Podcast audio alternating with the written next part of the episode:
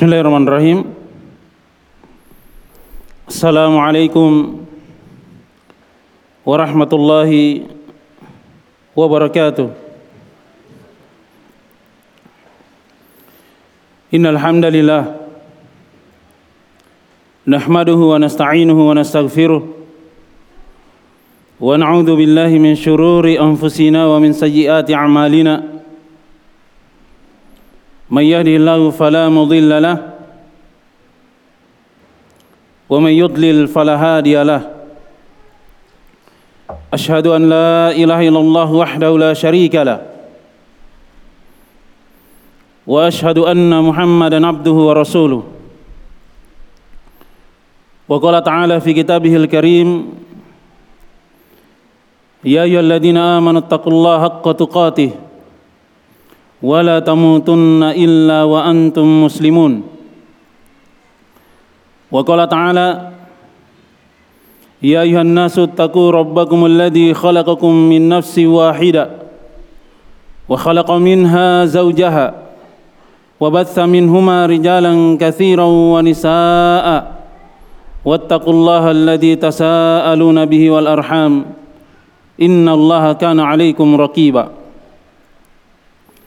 وقال تعالى يا أيها الذين آمنوا اتقوا الله وقولوا قولا سديدا يصلح لكم أعمالكم ويغفر لكم ذنوبكم ومن يطع الله ورسوله فقد فاز فوزا عظيما أما بعد.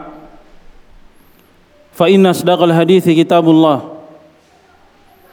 وخير الهدي هدي محمد صلى الله عليه وسلم. وشر الأمور محدثاتها فإن كل محدثة بدعة وكل بدعة ضلالة وكل ضلالة في النار معاشر الإخوة والأخوات رحمني ورحمكم الله Alhamdulillah kita bersyukur kepada Allah Subhanahu wa taala Rabbul Alamin yang hingga saat ini masih terus memberikan kepada kita seluruhnya dari berbagai curahan nikmat kasih sayang darinya. Oleh sebab itu kita sebagai hamba Allah Subhanahu wa taala hendaknya lah di kehidupan dunia ini selalu berupaya untuk mewujudkan kesyukuran. Karena dengan inilah dengan ibadah yang amat agung ini maka nikmat yang kita nikmati di kehidupan dunia ini akan diberikan tambahan dan akan terus dijaga oleh Allah Subhanahu wa taala. Oleh sebab itu Allah Subhanahu wa taala menyebutkan dalam firman-Nya wa ita'adzana rabbukum la in syakartum la azidannakum wa la in kafartum inna adabi lasyadid dan ingatlah ketika Rabb kalian Allah Subhanahu wa taala mengumumkan kepada kalian apabila kalian bersyukur akan nikmat demi nikmat yang telah aku anugerahkan kepada kalian la azidannakum maka sungguh benar pasti nikmat itu aku akan tambah kata Allah Subhanahu wa taala.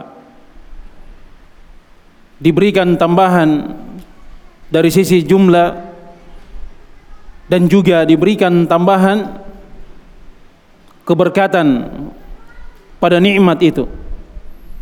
Tapi ketika seorang hamba diberikan nikmat oleh Allah Subhanahu wa taala, banyak kemudahan yang Allah Subhanahu wa taala anugerahkan kepada dirinya. Diberikan dari nikmat harta, nikmat kesehatan, nikmat kesempatan, nikmat umur yang panjang, tapi ternyata nikmat itu tidak menjadikan hamba itu semakin dekat dengan Allah Subhanahu wa taala, semakin cinta kepadanya, semakin takut kepada Allah Subhanahu wa taala, maka Allah Subhanahu wa taala mengancam dengan adabnya yang pedih. Oleh karenanya ketika seorang hamba menuntut ilmu dia belajar. Dia duduk di majelis ilmu. Maka diharapkan dengan ilmu yang dia dapatkan dengan ilmu yang dia fahami itu nantinya akan mewarnai kehidupannya sehingga terwujudlah kesyukuran di dalam kehidupannya di dunia ini. Di dalam riwayat Imam Muslim Rasulullah alaihi wasallam beliau bersabda Man salaka tariqan yaltamisu fi ilman sahalallahu lahu bihi tariqan ilal jannah. Siapa yang menempuh sebuah perjalanan yang dia berupaya dari menggerakkan segala kemampuan potensi yang dia miliki. Dalam rangka menuntut ilmu ikhlas karena Allah Subhanahu wa taala. Maka Allah Subhanahu wa taala pasti akan mudahkan langkahnya menuju surganya. Maka ini nikmat yang amat agung yang hendaknya selalu dipelihara dan selalu ditingkatkan bagi kaum muslimin dan kaum muslimat. Apalagi ya para wanita muslimah di masa ini. Yang banyak ujian dan cobaan. Baik secara online ataupun secara offline. Banyak diketemukan para wanita muslimah. Mereka terkadang tidak memiliki lagi rasa malu. Masuk di media sosial. Mengakses dari berbagai aplikasi-aplikasi yang tidak bermoral. Sehingga menghancurkan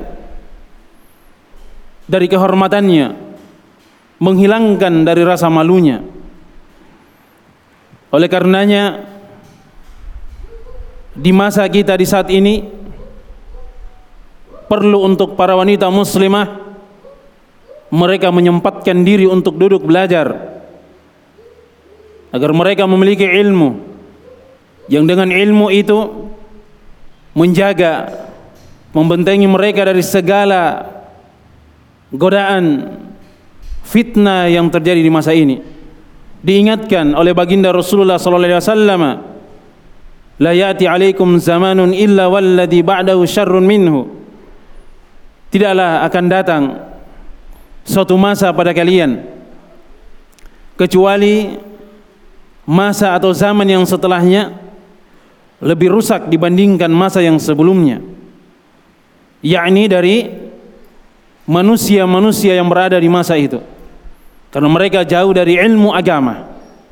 Oleh karenanya apabila para wanita muslimah mereka memiliki keinginan untuk belajar, menuntut ilmu, maka ini adalah nikmat yang amat agung.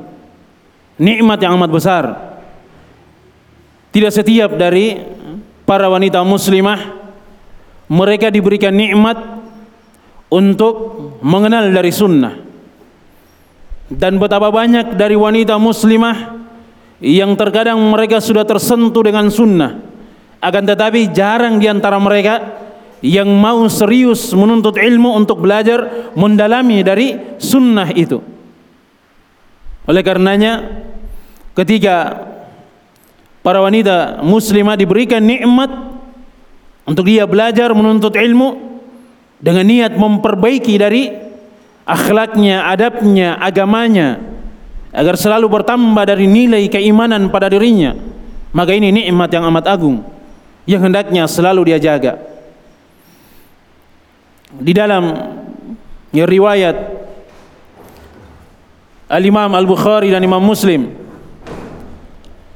dari sahabat yang mulia Abu Sa'id Al-Khudri radhiyallahu taala anhu pernah satu ketika di masa Nabi kita Muhammad alaihi satu wassalam ada ya seorang wanita sahabiyah radhiyallahu taala anha disebutkan bahwasanya Ja'at imra'atun ila Rasulillah sallallahu alaihi wasallam. Faqalat ya Rasulullah dhahaba ar-rijalu bihadithik faj'al lana min nafsika yawman natika fihi tu'allimuna mimma 'allamaka Allah. Qala ijtami'na yawman kada wa kada fajtama'an fatahunna Rasulullah sallallahu alaihi wasallam fa'allamahunna mimma 'allamahullah. Coba lihat di dalam riwayat ini terdapat bagaimana semangat dari para sahabiat radhiyallahu taala anhunna yang mereka berada di masa Nabi kita Muhammad sallallahu alaihi wasallam. Tapi begitu besar dari semangat mereka untuk belajar di hadapan Nabi kita Muhammad alaihi wasallam apalagi kita yang berada di masa ini maka hendaknya para wanita muslimah semakin berupaya untuk membakar dari semangatnya agar dia dapat hadir di majelis ilmu. Kata Abu Sa'id Al-Khudri radhiyallahu taala anhu kata beliau suatu ketika ada seorang wanita yang datang kepada baginda Rasulullah sallallahu alaihi wasallam Kemudian dia pun berkata, "Ya Rasulullah, dahabar rijalu bihaditsik." Sesungguhnya para lelaki itu mereka telah banyak menghabiskan waktunya bersamamu mendengarkan dari ucapan-ucapanmu, kalimat-kalimatmu, hadis-hadismu. Faj'al lana min nafsika yawman na'tika fihi. Maka tentukanlah untuk kami para wanita satu hari yang kami bisa datang kepadamu untuk belajar menuntut ilmu di hari itu tu'allimuna mimma 'allamaka Allah yang di hari itu di majelis ilmu tentunya engkau mengajarkan kepada kami dari ilmu yang Allah Azza wa Jalla ajarkan kepadamu. Jadi ini memang sudah kebiasaan. Dari sahabiat radhiyallahu taala anhunna. Yang mereka datang menyempatkan waktu sesibuk apa pun dari kesibukan mereka maka tetap harus pandai memilih meluangkan waktu untuk belajar. Karena itu dari dasar sehingga para wanita muslimah akan mendapatkan kebahagiaan baik ketika dia belum menikah ataupun ketika dia sudah membina rumah tangga. Maka ilmu agama adalah dasar pijakan yang akan mewarnai kebaikan keberkatan di dalam kehidupan rumah tangganya. Jelas ya? Maka kata baginda Rasulullah sallallahu alaihi wasallam, "Ijtami'na yauma kada." Maka kalian kumpullah di hari ini. Beliau sifatkan hari itu di hari yang tertentu. Kemudian Kata ya para sahabiat radhiyallahu taala anhunna fajtama'na, maka kami pun berkumpul. Fa'atahunna Rasulullah sallallahu alaihi wasallam, maka baginda Rasulullah sallallahu alaihi wasallam datang kepada kami di hari itu. Fa'allamahunna mimma 'allamahullah, maka beliau pun mengajarkan kepada kami apa yang Allah Azza wa Jalla ajarkan kepadanya. Itulah ilmu agama. Jelas ya?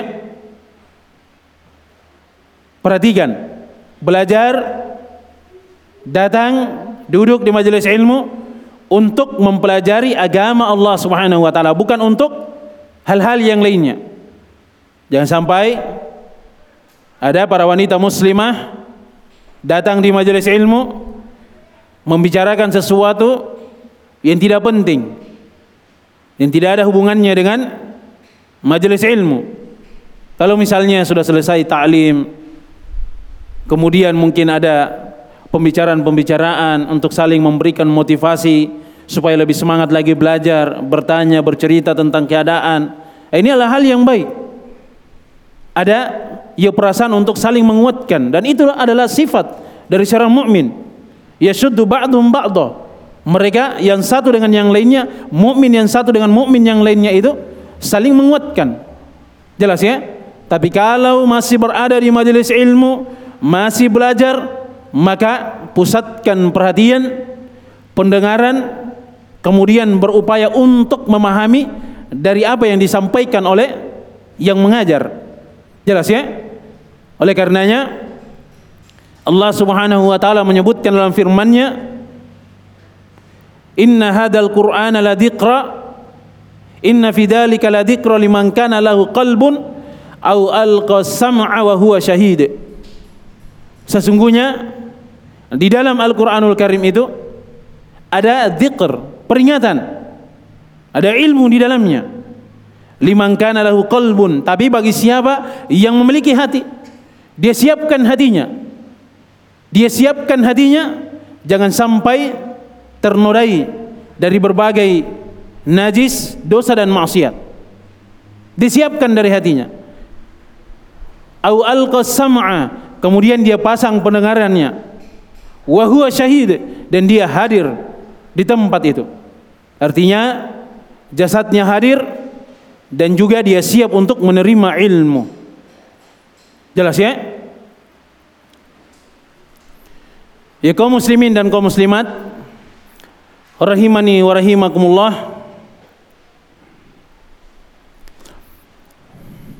maka ini dari hal yang amat penting untuk para wanita muslimah apalagi ya di masa ini yang banyak dari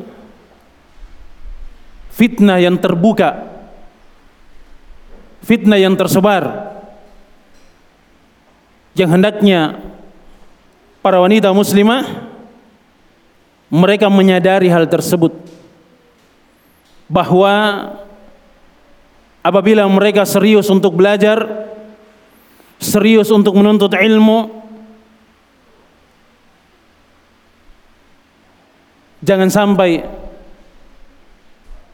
nikmat itu luput dari mereka Jangan sampai mereka terpengaruh dengan berbagai fitnah yang ada di luar sana. Apalagi di masa kita ya. Ada media sosial gadget. Ini paling banyak merusak dan menghancurkan dari para wanita muslimah. Para suami yang sudah memiliki putra dan putri maka berat tanggung jawabnya. Ada istrinya yang harus dia selalu berikan nasihat tentang ilmu. Ada putra dan putrinya, apalagi kalau sudah tumbuh dewasa. Nah, ini perlu perhatian yang lebih mantap di dalamnya. Jangan sampai mereka dibiarkan berlanjut terus akhirnya di kemudian hari susah untuk diberikan nasihat. Apabila sudah terlanjur, maka ini harus saling membantu antara suami dan istri. Di dalam riwayat Imam Muslim yang disebutkan bahwasanya kata Nabi kita Muhammad sallallahu alaihi wasallam kullukum ra'in wa kullukum mas'ulun an ra'iyati. Setiap dari kalian itu adalah pemimpin. Dan setiap pemimpin itu pasti akan dimintai pertanggungjawaban atas kepemimpinannya. Seorang suami dia pemimpin di tengah keluarganya. Bagaimana dia menjadi sosok suami yang berwibawa di tengah keluarganya dengan ilmu. Ketiga, terjadi sesuatu yang tidak baik, apalagi kalau ada pelanggaran syariat, maka dia harus segera memberikan nasihat kepada istrinya. Harus selalu dia berikan nasihat kepada anak-anaknya, putra dan putrinya. Kalau dia biarkan, tidak ada teguran, tidak dia berikan nasihat, maka di negeri akhirat Allah Subhanahu wa taala akan bertanya tentang hal itu. apabila ya para wanita muslimah dia sudah menikah maka jika dia sudah menikah dia juga adalah pemimpin. Jelas ya di rumah dari suaminya. Bagaimana dia menata dari rumahnya kemudian bagaimana dia merawat dari putra dan putrinya maka ini semua tanggung jawab yang besar untuk para wanita muslimah oleh sebab itu penting bagi kita untuk mempelajari ilmu agama apalagi ilmu yang akan kita pelajari ini adalah berkaitan dengan akidah, keyakinan dalam agama Islam ini. Jelas ya? Para wanita muslimah yang sudah berumah tangga maka wajib untuk mereka belajar. Karena ibu itu adalah madrasah tempat pertama kali putra dan putrinya itu menerima pendidikan sebelum dia menerima pendidikan yang ada di luar sana. Maka seorang ibu dia punya kewajiban untuk menata pendidikan di dalam rumahnya. Bagaimana dia mengajarkan dari ilmu akidah. Bagaimana dia memberikan dari contoh dan sikap yang baik, dari adab, perilaku dan sikap yang terpuji di dalam agama Islam ini. Maka ini tugas dari seorang ibu. Oleh karenanya dia harus belajar. Dia harus menuntut ilmu. Ketika ada masalah di tengah keluarganya, ketika ada problem, Ketika seorang ibu itu dia belajar, dia punya bekal ilmu agama, maka akan mudah terselesaikan dari setiap masalah dan problem yang terjadi antara dia dengan suaminya atau antara dia dengan anak-anaknya. Oleh sebab itu, dia kata seorang penyair, al-ummu madrasatun. Idza adattaha adatta tayyiban sya'ban tayyibal araq. Al-ummu madrasatun. Ibu itu adalah madrasah. Rumah belajar pertama. Nah, kalau kita ya di Makassar ini alhamdulillah ya banyak rumah dakwah. Madrasah. Tapi harus diketahui bahwasanya ibu itu adalah rumah pertama, rumah pendidikan pertama untuk putra dan putrinya.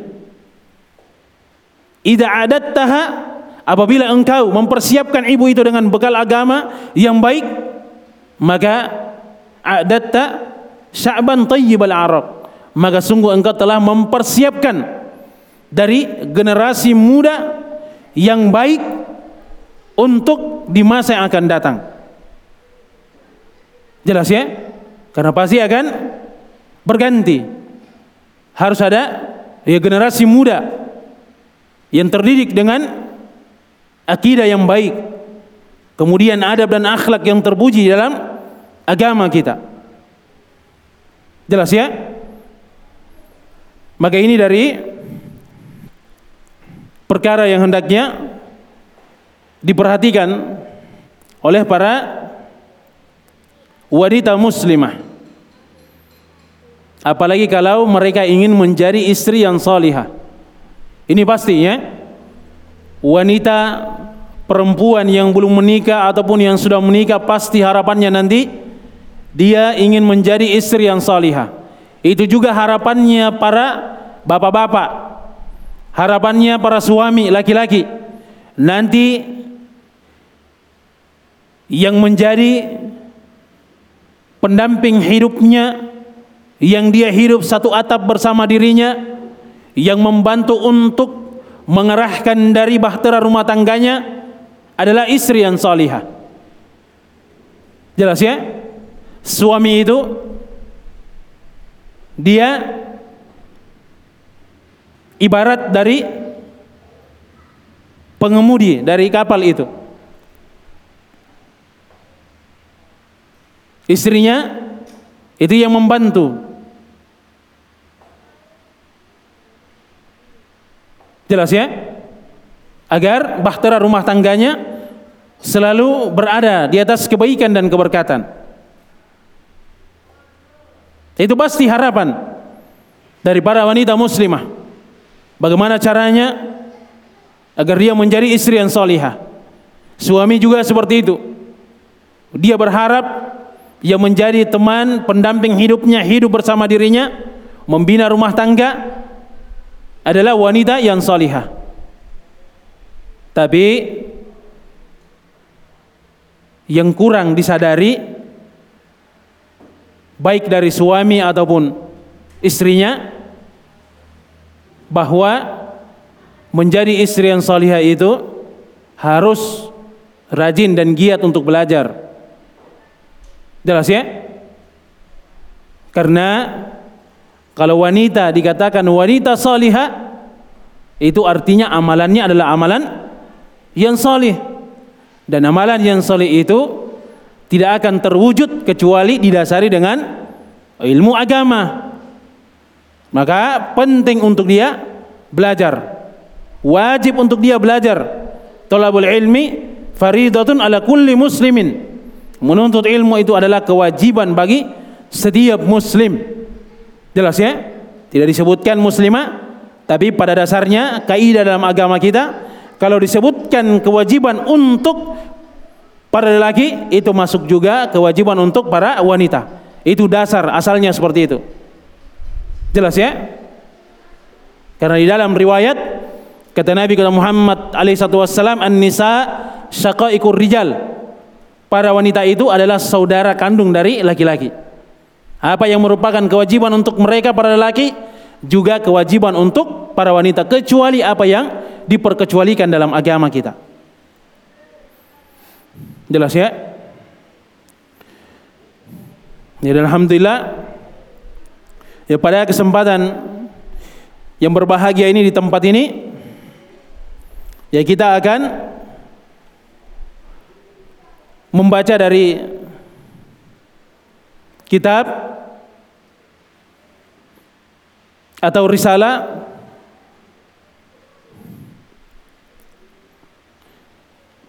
Al-Qawaidul Arba. Itu tadi ya pendahuluannya untuk ya para wanita muslimah agar mereka semakin bersemangat termotivasi untuk belajar. Dari kitab atau risalah yang akan kita baca adalah Al-Qawaidul Arba.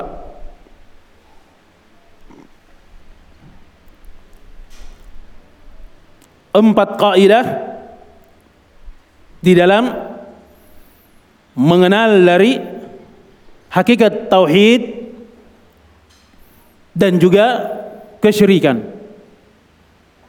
Ini pentingnya untuk para wanita muslimah dia harus mempelajari dari empat kaidah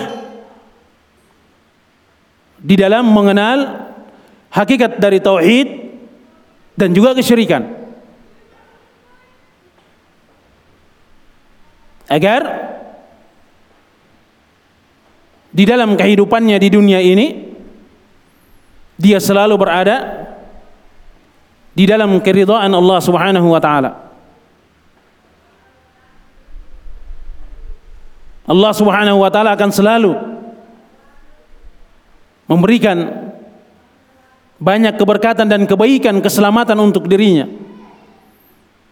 Ketika dia berjalan di atas pijakan-pijakan tauhid, menjaga dari keimanannya, Jangan sampai ternodai dari kesyirikan. Maka dia perlu untuk belajar dari empat kaidah yang disebutkan oleh penulis eh, Syekh Muhammad bin Abdul Wahab rahimahullah taala.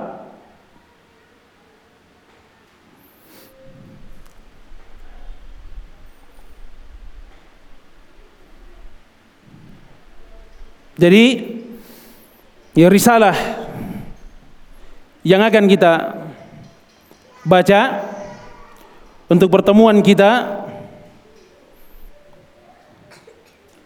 di hari Sabtu ba'dal asar risalah Al-Qawaidul Arba empat kaidah di dalam mengenal dari hakikat tauhid dan juga mengenal dari ya kesyirikan. Jelas ya Ya, ini nanti akan kita jelaskan dari kaidah-kaidah yang disebutkan oleh beliau rahimahullahu taala.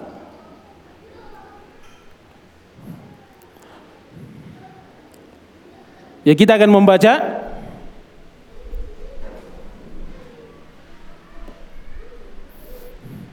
Ya kata beliau rahimahullah taala. Bismillahirrahmanirrahim.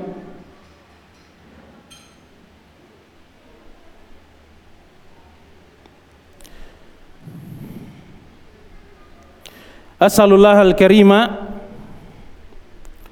Rabbal arshil azimi. Ayyatawallaka fid dunya wal akhirah. Wa ayyaj'alaka mubarakan aina ma kunta وأن يجعلك ممن إذا أؤتي شكر وإذا بطلي صبر وإذا أذنب استغفر فإن هؤلاء الثلاث عنوان السعادة.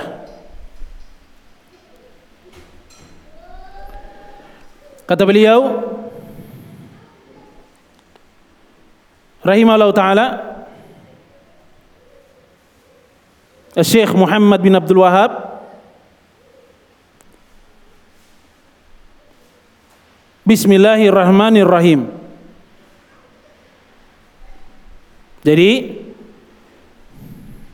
diawali dengan basmalah. Bismillahirrahmanirrahim. Kemudian kata beliau, Rahimahullah taala as'alullah al-karima. Saya meminta kepada Allah Subhanahu wa taala yang maha mulia, Rabbal Arsyil Azimi, pemilik dari arsy yang amat agung. ayyatawallaka fid dunya wal akhirah. Semoga Allah Subhanahu wa taala menjadi wali penolong untukmu di kehidupan dunia dan juga di negeri akhirat. Wa ayyaj'alaka mubarakan aina ma kunta dan juga semoga Allah Azza wa Jalla menjadikan engkau mubarakan diberkati. Di mana pun engkau berada. Wa yaj'alaka mimman idza utiya syakara. Dan juga semoga Allah Azza wa Jalla menjadikan engkau dari orang-orang ketika dia diberikan nikmat syakar dia bersyukur wa idza dan ketika dia diperhadapkan dengan ujian sabar. Maka dia segera bersabar. Wa idza adnaba dan ketika dia melakukan dosa dia segera istighfar memohon ampun kepada Allah Azza wa Jalla. Fa inna haula'i thalatha unwanu sa'adah maka sesungguhnya tiga hal ini adalah lambang dari kebahagiaan. Jelas ya? Jadi ini dari mukaddimah pendahuluan yang disebutkan oleh beliau Syekh Muhammad bin Abdul Wahab rahimahullah taala. Jadi ada ya pendahuluannya. Nanti akan kita jelaskan pendahuluan yang disebutkan oleh beliau rahimahullah taala.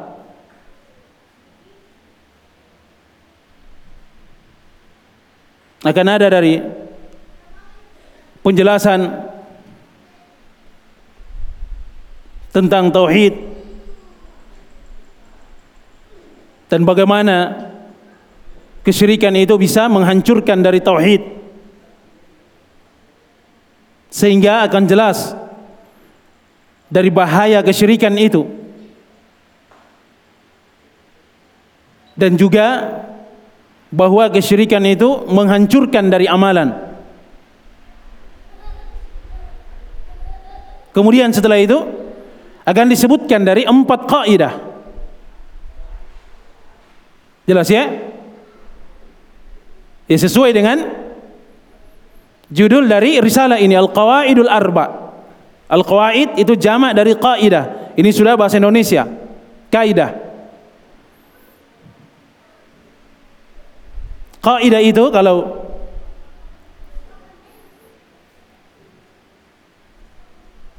maknanya di dalam bahasa Arab al-aslul ladhi yatafarra'u anhu masailu kathiratun au furu'un kathirah. Jadi kaidah itu adalah asal pijakan yang bercabang darinya berbagai pembahasan yang amat banyak. Atau cabang-cabang yang amat banyak. Jadi kaidah ini adalah asalnya pijakannya dasarnya. Jadi kalau kita memahami dari empat kaidah yang disebutkan oleh penulis rahimahullah taala maka akan mudah untuk kita memahami dari pembahasan-pembahasan atau cabang-cabang yang lain yang muncul dari pembahasan tentang tauhid dan juga tentang kesyirikan. Jelas ya? Jadi ada empat kaidah yang disebutkan oleh penulis rahimahullah taala. Al-qaidatul ula, kaidah yang pertama, ini kesimpulannya menjelaskan bahwa tauhid ar-rububiyah meyakini bahwasanya Allah Subhanahu wa taala semata yang mengatur alam semesta, yang memberikan rizki, yang menghidupkan dan mematikan, yang menurunkan hujan, yang memberikan kesembuhan, yang mengatur alam semesta Allah Azza wa Jalla ah, ini namanya tauhid ar-rububiyah. Pada kaidah yang pertama akan dijelaskan bahwasanya tauhid rububiyah itu tidaklah cukup menjadikan seorang muslim dan muslimah masuk ke dalam surga Allah Azza wa Jalla maka harus dia benahi tauhid al-uluhiyah sebagai konsekuensi dari tauhid ar-rububiyah ini kan sebenarnya mudah.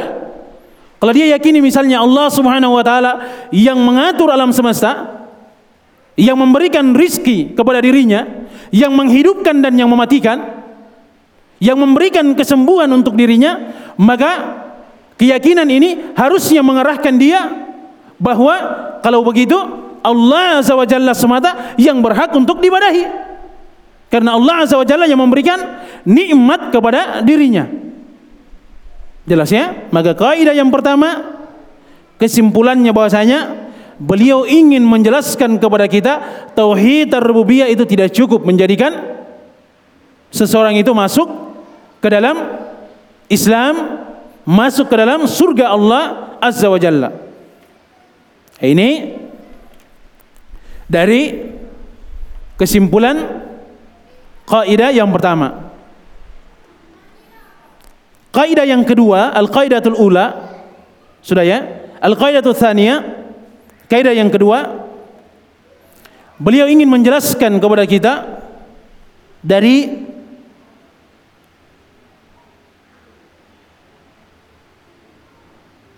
sebab alasan pengakuan dari orang-orang musyrikin ketika mereka melakukan kesyirikan mereka. Apa alasannya? Talabul kurbati was syafa'ah. Untuk mencari kedekatan dan syafaat kepada Allah Azza wa Jalla. Itu alasannya. Jadi ini inti pembahasan dari kaidah yang kedua. Jelas ya?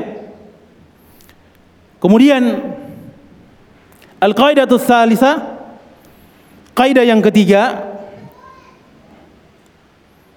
penulis rahimahullah taala ingin menjelaskan kepada kita bahwa orang-orang musyrikin di masa Nabi kita Muhammad sallallahu alaihi wasallam mereka memiliki sembahan-sembahan yang beraneka ragam. Jelas ya? Bukan sekedar patung saja. Paham ya? Nah, ini inti dari penjelasan kaidah yang ketiga. Kemudian al-qaidatur rabi'ah. Kaidah yang keempat penulis rahimahullah taala ingin menjelaskan kepada kita tentang perbedaan dari orang-orang musyrikin di masa Nabi kita Muhammad sallallahu alaihi wasallam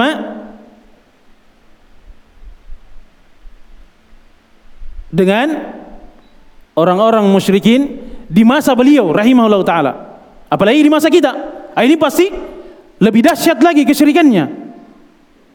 Lebih kental lagi. Jelas ya? Jadi beliau penulis rahimahullah taala beliau ingin memberikan penjelasan kepada kita melalui kaidah yang keempat yang beliau sebutkan bahwa kesyirikan yang terjadi di masa beliau penulis rahimahullah taala itu lebih dahsyat dibandingkan kesyirikan yang terjadi di masa Nabi kita Muhammad sallallahu alaihi wasallam. Jelas ya? Nah, ini dari empat kaidah yang akan kita pelajari dari tulisan beliau Syekh Muhammad bin Abdul Wahab rahimahullah taala. Jelas ya? Jadi ini dari inti pembahasannya.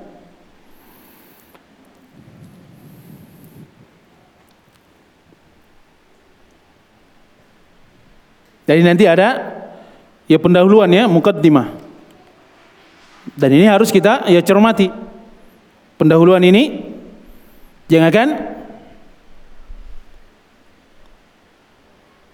menjadikan kita memiliki bekal yang kuat untuk memahami empat kaidah yang disebutkan oleh beliau rahimahullah taala.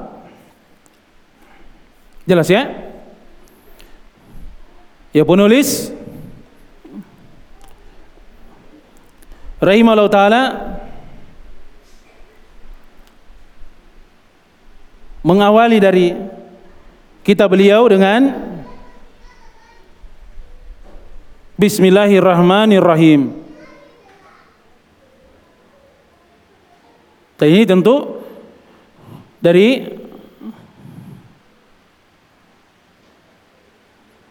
ya penjelasan ayat yang sudah sering kita dengar ya. Bismillahirrahmanirrahim itu basmalah. Kalau tasmiyah bismillah. Sebagian dari para ulama ada yang membedakan. Tapi sebagiannya lagi ada yang menyamakan. Jelas ya? Jadi kalau disebut basmalah Bismillahirrahmanirrahim.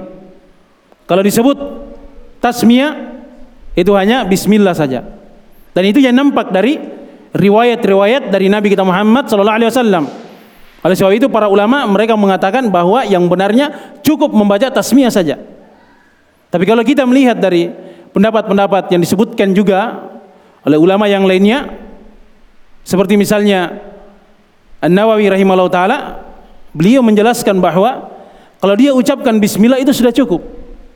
Tapi kalau dia tambah, dia sempurnakan bismillahirrahmanirrahim, maka itu lebih sempurna. Dan ini juga pendapat dari Syekhul Islam Ibnu Taimiyah rahimahullah taala. Jelas ya? Kemudian Bismillahirrahmanirrahim. Ini adalah ayatun mustaqillah. Ayat yang dia berdiri sendiri. Jadi tidak ada hubungannya dengan ayat-ayat yang setelahnya. Dalam surah Al-Fatihah misalnya. Bismillahirrahmanirrahim itu bukan bagian dari surah Al-Fatihah. Jelas ya, tapi dia ayatun mustaqillah, dia datang untuk membedakan antara surah yang satu dengan surah yang lainnya.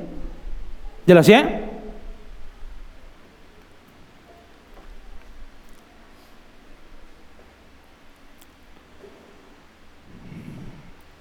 Kemudian kandungan dari Bismillahirrahmanirrahim bi di situ apa? Harful hujar. Apa maknanya? Al-isti'anah, memohon pertolongan. Jelas ya? Jadi itu makna dari Bismillahirrahmanirrahim, memohon pertolongan. Kalau kita tidak faham ini, ah ini berbahaya ya. Karena sebagian dari orang-orang yang rusak pemahamannya dalam permasalahan takdir, mereka masukkan pemahaman penyimpangan di dalam Bismillahirrahmanirrahim. Mereka mengatakan bahwasanya bi di situ bermakna al-musahabah. Bukan bermakna al-isti'anah. Seperti yang disebutkan oleh Az-Zamakhsyari. Yang dia memiliki pemahaman Mu'tazilah. Jelas ya? Kalau katanya, kalau kita maknai Bismillahirrahmanirrahim itu dengan al-isti'anah memohon pertolongan, ah, ini akan menyelisihi dari akidahnya. Karena akidahnya Mu'tazilah itu menetapkan bahwasanya apa? Mereka lah yang menciptakan dari amalannya sendiri.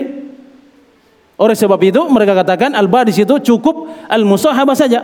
Tidak ada mana al-isti'anah. Kalau ada al-isti'anah berarti mereka memohon pertolongan kepada Allah Subhanahu wa taala. Jadi amalannya itu adalah ciptaan Allah Subhanahu wa taala.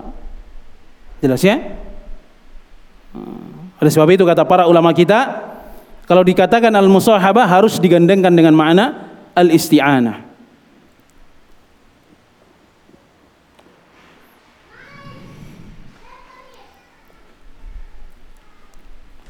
Kemudian bismi. Ada ismun. Itu kata tunggal. Jamaknya asma. Tapi dalam kaidah bahasa Arab kalau dia kata tunggal mufrad mudhaf disandarkan maka yufidul umum. Dia memberikan makna umum. Jelas ya?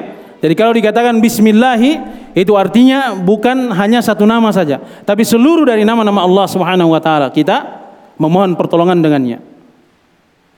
Jelas ya? Karena sudah disandarkan kepada Allah lafzul jalalah. Walaupun katanya tunggal ismun tapi maknanya asmaun karena dia sudah disandarkan kepada lafzul jalalah Allah. Nah, kemudian makna Allah. Apa arti dari kata Allah? Dzul uluhiyah. Dialah Allah Subhanahu wa taala yang berhak untuk diibadahi. Jelas ya? Kemudian Ar-Rahmanir Rahim.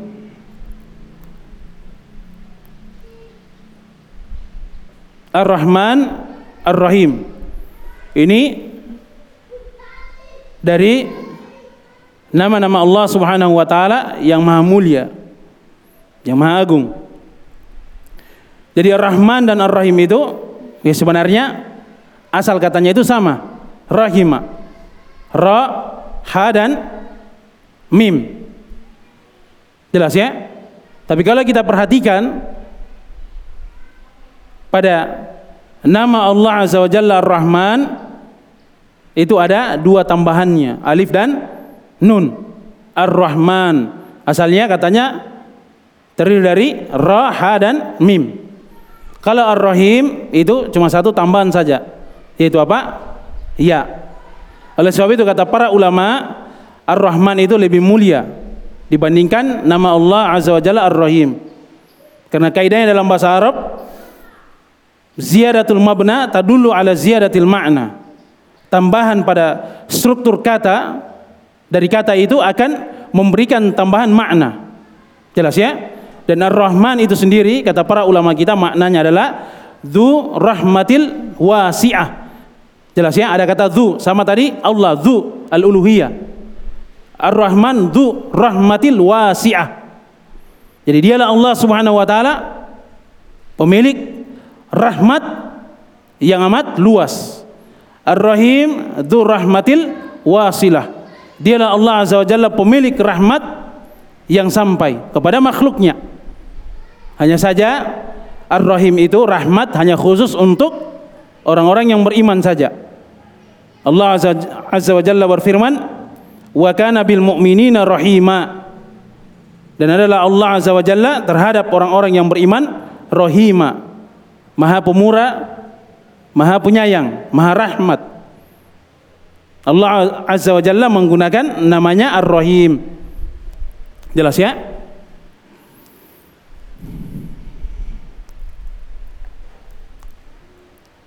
Jadi bismillahirrahmanirrahim. Itu ya secara ringkas ya dari makna tafsir dari ayat Bismillahirrahmanirrahim. Ya saya kira ini ya sudah sering ya kita dengarkan dari ustadz-ustadz kita. Ya beliau memulai dengan Bismillahirrahmanirrahim yang pertama karena iktidaan li kitabillahi azza wa jalla. Karena mengikuti dari kitabullah azza wa jalla dimulai dengan Bismillahirrahmanirrahim. Kalau kita membuka dari mushaf itu Al-Qur'anul Karim, maka yang pertama kali kita ketemukan dari ayat dalam Al-Qur'an adalah Bismillahirrahmanirrahim. Jelas ya? Kemudian yang kedua, ittiba'an lin nabiyina alaihi satu wassalam. Karena untuk meneladani Nabi kita Muhammad alaihi satu wassalam. Jelas ya? Yang beliau ketika memulai dari tulisan-tulisan beliau maka diawali dengan Bismillahirrahmanirrahim seperti surat beliau kepada Hirakl Azimir Rum dalam riwayat Bukhari Muslim disebutkan di awal dari tulisan beliau itu suratnya Bismillahirrahmanirrahim min Muhammad bin Abdullah ila Hirakl Azimir Rum salamun ala man ittaba al-huda. Bismillahirrahmanirrahim. Dari Muhammad bin Abdullah kepada Herakl Azimir Rum pembesarnya dari kaum Romawi. Jelas ya keselamatan bagi siapa yang mengikuti petunjuk diawali dengan Bismillahirrahmanirrahim kemudian juga pada ya tulisan beliau atau ketika beliau meminta kepada Ali bin Abi Thalib radhiyallahu taala anhu untuk menulis perjanjian Asul Al-Hudaybiyah. Maka diawali dengan Bismillahirrahmanirrahim. Jelas ya?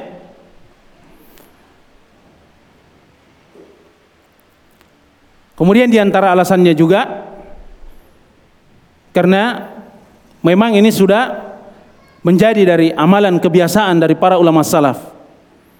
Ketika mereka ingin menulis dari tulisan-tulisan ilmiah yang berkaitan dengan ilmu, maka tulisan-tulisan mereka diawali dengan Bismillahirrahmanirrahim. Jelas ya? Dan juga tentunya untuk mengharapkan berkah dengan menulis Bismillahirrahmanirrahim. Mengharapkan pertolongan kepada Allah Subhanahu wa taala agar apa yang kita kerjakan, apa yang kita amalkan itu mendapatkan banyak kebaikan dan keberkatan dari Allah Azza wa Jalla. Ya, jelas ya?